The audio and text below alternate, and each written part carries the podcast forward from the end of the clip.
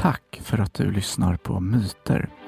Jag heter Ola och det är jag som driver den här podden och i nuläget skriver också och spelar in alla berättelser. Ett stort tack för att du prenumererar, ger betyg eh, och delar med vänner och bekanta eftersom det påverkar förutsättningarna för mig att fortsätta med det här väldigt tidskrävande men extremt roliga projektet. Eh, Känner du att du vill bidra lite extra så har vi nu en Patreon-sida där du kan gå in och ge allt från 2 dollar per månad uppåt. Och målet nu är att komma upp i 250 dollar per månad. Det innebär då att jag kan eh, garantera att ett nytt specialskrivet, välproducerat och spännande avsnitt kommer ut en gång per månad. Så gå gärna in där och eh, du kan också kontakta mig via de länkar som finns i programbeskrivningen Eh, om du vill risa eller rosa eller har idéer på något sätt. Tack återigen för att du lyssnar på Myter.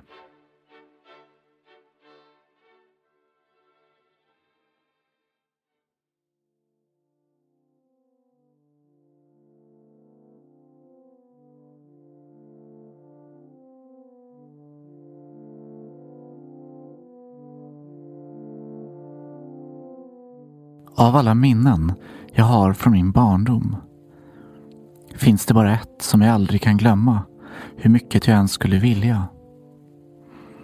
Jag har burit det med mig i hela mitt liv, knappt berättat om det för någon. Det var en sensommarkväll när jag var nio år gammal. Vid tiden hyrde vi ett litet avlägset torp som låg vid en kärn några kilometer utanför det lilla samhället Älvsho i Dalarna. Vi hade varit där varje sommar så länge jag kunde minnas. Och nu var ännu en sommar på väg mot sitt slut.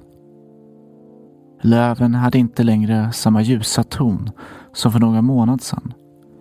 Kvällarna hade blivit mörka och kyliga. Vattnet nedanför torpet låg stilla med en blank silverfärgad yta.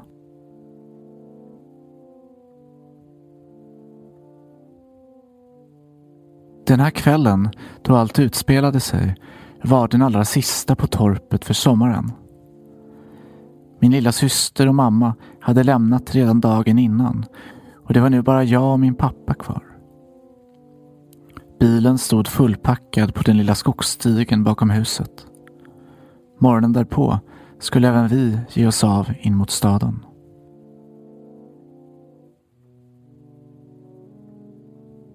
Jag och min pappa hade precis ätit middag och satt nu på varsin stol framför eldstaden och min pappa spelade på sin gitarr. Han plinkade på samma låt, någon spansk melodi som han övat på hela sommaren. Han nynnade stillsamt med. Själv satt jag bredvid och läste en Kalle tidning som jag redan kunde till. Men det gjorde inget. Det var en del av sommarritualen den som gjorde att jag kände mig trygg och hemma i det annars så ödsligt belägna torpet.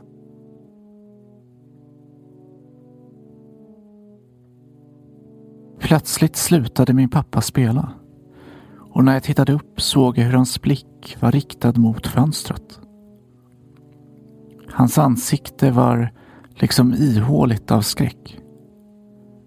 Men när jag följde hans blick kunde jag själv inte se någonting där ute. Jag satt i en vinkel där endast reflektionerna av insidan var synliga. Sen gick allt väldigt fort. Min pappa reste sig upp så hastigt och besinningslöst att gitarren föll till golvet och kastade sig därefter mot mig och förde mig in i sovrummet. När han placerat mig på en av sängarna smög han fram till fönstret och drog ner rullgardinen. Jag började genast gråta. Min pappa agerade alltid lugnt och stillsamt. Men nu verkade han utom sig av rädsla. Samtidigt förvirrad och frånvarande. Vad har hänt? viskade jag mellan tårarna. Vad såg du där ute? Ingenting, ingenting, ingenting, mumlade min pappa. Sen tryckte han mig tätt intill sig och jag kunde höra hur hans hjärta bultade. Kom inte hit, inte hit, hörde jag hur han sa jamrande. Mitt medvetande måste som en försvarsreaktion därefter kopplat bort sig från min kropp. Det var som att min pappa kunde se och uppfatta en närvaro av någonting i rummet som jag själv inte kunde förnimma. Men vi måste suttit kvar där i sängen i säkert en timme. Först då tog pappa min hand och vi sprang tillsammans ut ur stugan och upp mot den packade bilen på skogsstigen bakom huset. Han startade motorn och körde sedan ilfart genom natten längs de slingrande landsvägarna mot staden. Och det sista jag minns att jag tänkte på innan jag somnade var att jag inte fått med mig mitt gosedjur, min nalle.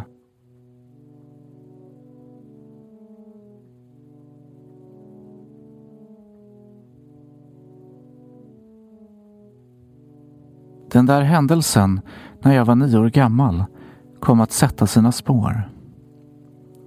Aldrig, varken förr eller senare, hade jag sett min pappa så upprörd, rädd och förvirrad. Men det märkligaste av allt var att han dagen efteråt inte ville kännas vid det inträffade. Han menade att jag hade en livlig fantasi och missförstått situationen. Att det blivit någonting fel med värmen i stugan och att det var därför vi åkt tidigare än planerat. Men jag visste att han ljög. För jag såg hur obekväm han var att prata om saken. Och dessutom var mina minnesbilder från den där kvällen klara och tydliga. Och sommaren, när jag var nio år gammal, blev också den sista på torpet. Vi i familjen återvände aldrig.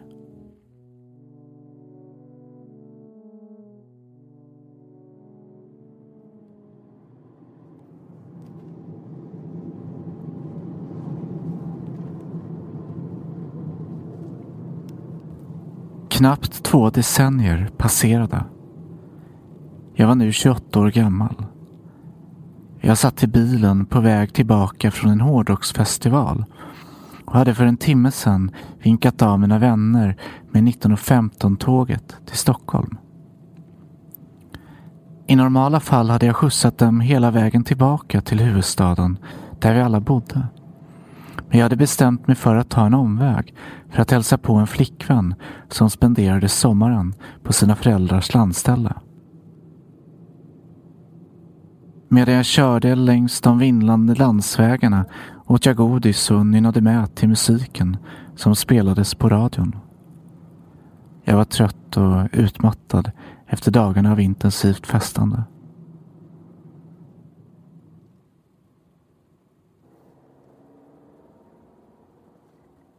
Sakta kom en känsla smygande över mig.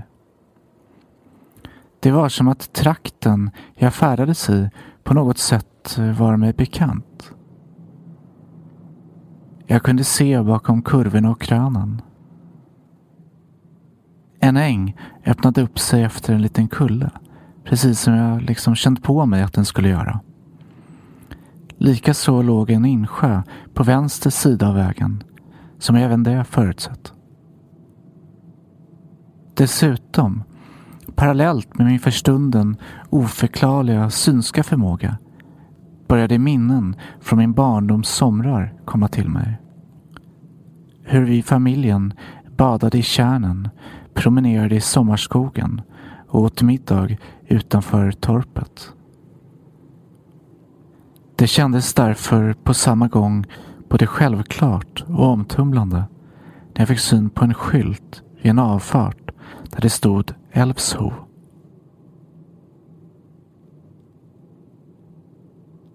Jag tvekade en kort stund. Det skulle snart bli mörkt. Men jag kunde ändå inte motstå frestelsen att försöka hitta stället. Jag saktade ner farten och svängde av vägen.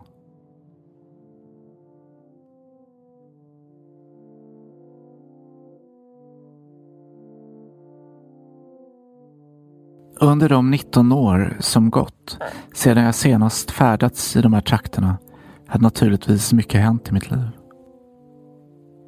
Jag hade genomgått ett par stökiga tonår och vid 18 års ålder hade jag flyttat hemifrån. Efter några års arbete på ett café och en del resor som backpacker hade jag utbildat mig inom ekonomi med inriktning på försäljning.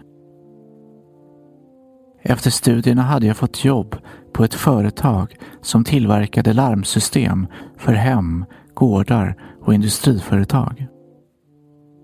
Och nu, vid 28 års ålder, var det alltjämt där jag arbetade. Jag trivdes med livet.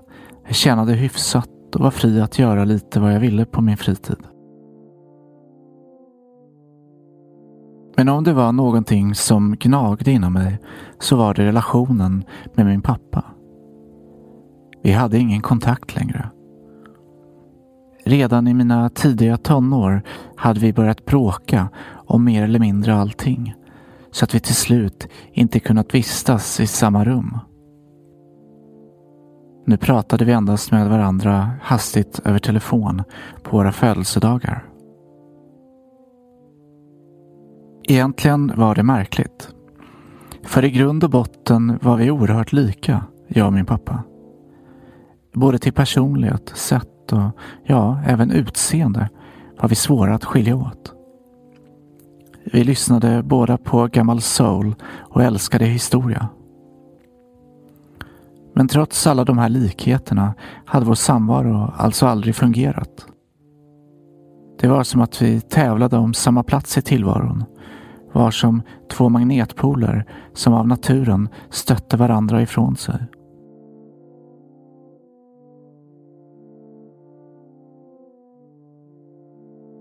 Efter en halvtimme kom jag fram till det lilla samhället. Där hittade jag lanthandeln dit vi brukade åka för att handla när jag var liten. Men den måste ha stängt ned för många år sedan. Skylten fanns visserligen kvar men den hängde snett och var illa åtgången av väder och vind. Från butiken lät jag sedan mitt bräckliga minne och min intuition styra mig.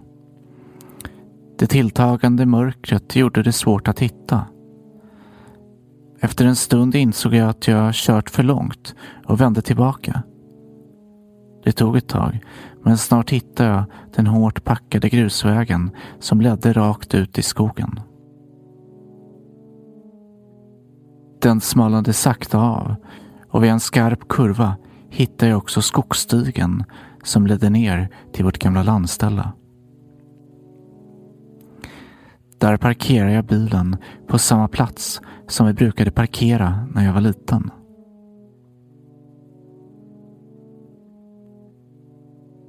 Det var nu nästan helt mörkt och det hade börjat bli kallt i luften. Jag bar samma tunna t-shirt som jag haft under hela festivalen men orkade inte rota i min packning efter någonting varmare. Inte utan ett visst obehag klev jag ur, satte mina fötter på den barbeklädda marken. Jag slog igen bildörren med en dov smäll som ekade mellan granarna.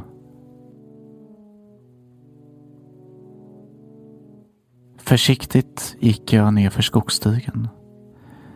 En kotte här och var fick mig att vingla till några gånger. Men snart hade jag torpet inom synhåll.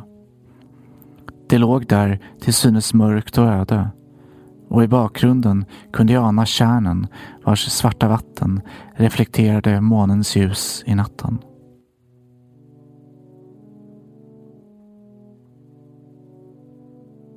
Jag gick fram till ett av fönstren, kupade mina händer och tittade in. Men det var för mörkt för att se något. Då kom jag på att jag nog hade en tändare på mig.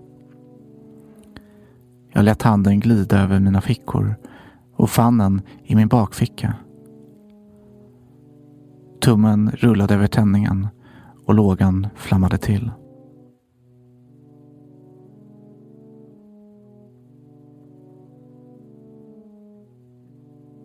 I ljuset kunde jag se in i köket där jag och min pappa suttit den där kvällen. Allt var sig likt där inne. Stolarna, borden, allt såg i det närmaste identiskt ut med hur det sett ut när jag var liten. Samma tavlor på väggarna. Till och med den stora krukan i ena hörnet stod kvar.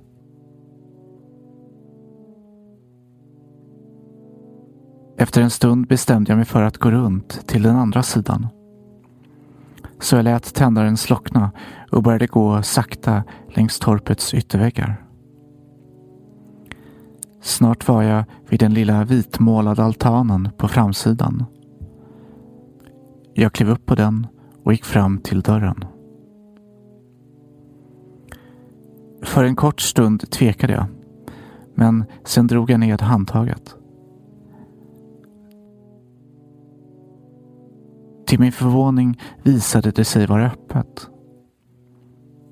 Gångjärnen knarrade och en doft som jag inte ens visste att jag hade som ett så självklart minne slog emot mig.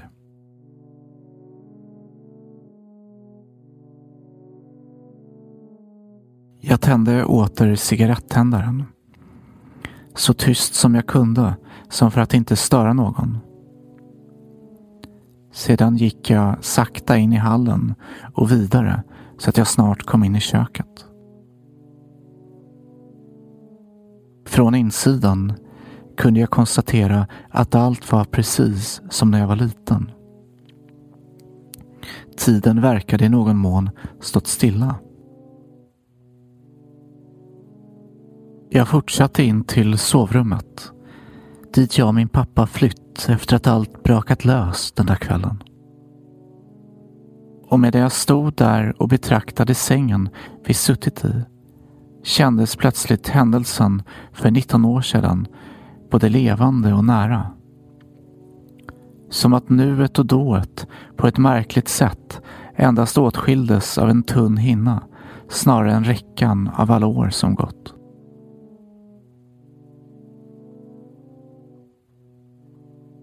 Jag fylldes med obehag och vände om för att återvända in till köket.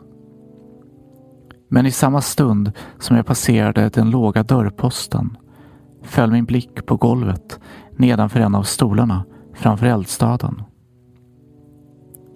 Där, nedanför stolen där min pappa suttit den där kvällen, låg en gitarr. Och bredvid den andra stolen, där jag själv suttit, låg ett gosedjur en nalle.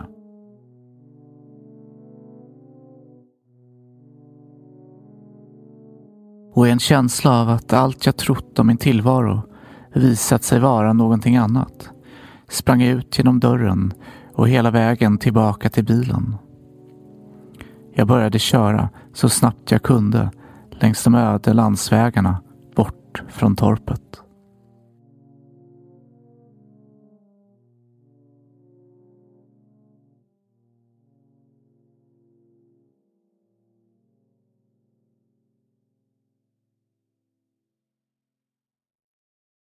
En dag i mitten av oktober samma år ringde min syster.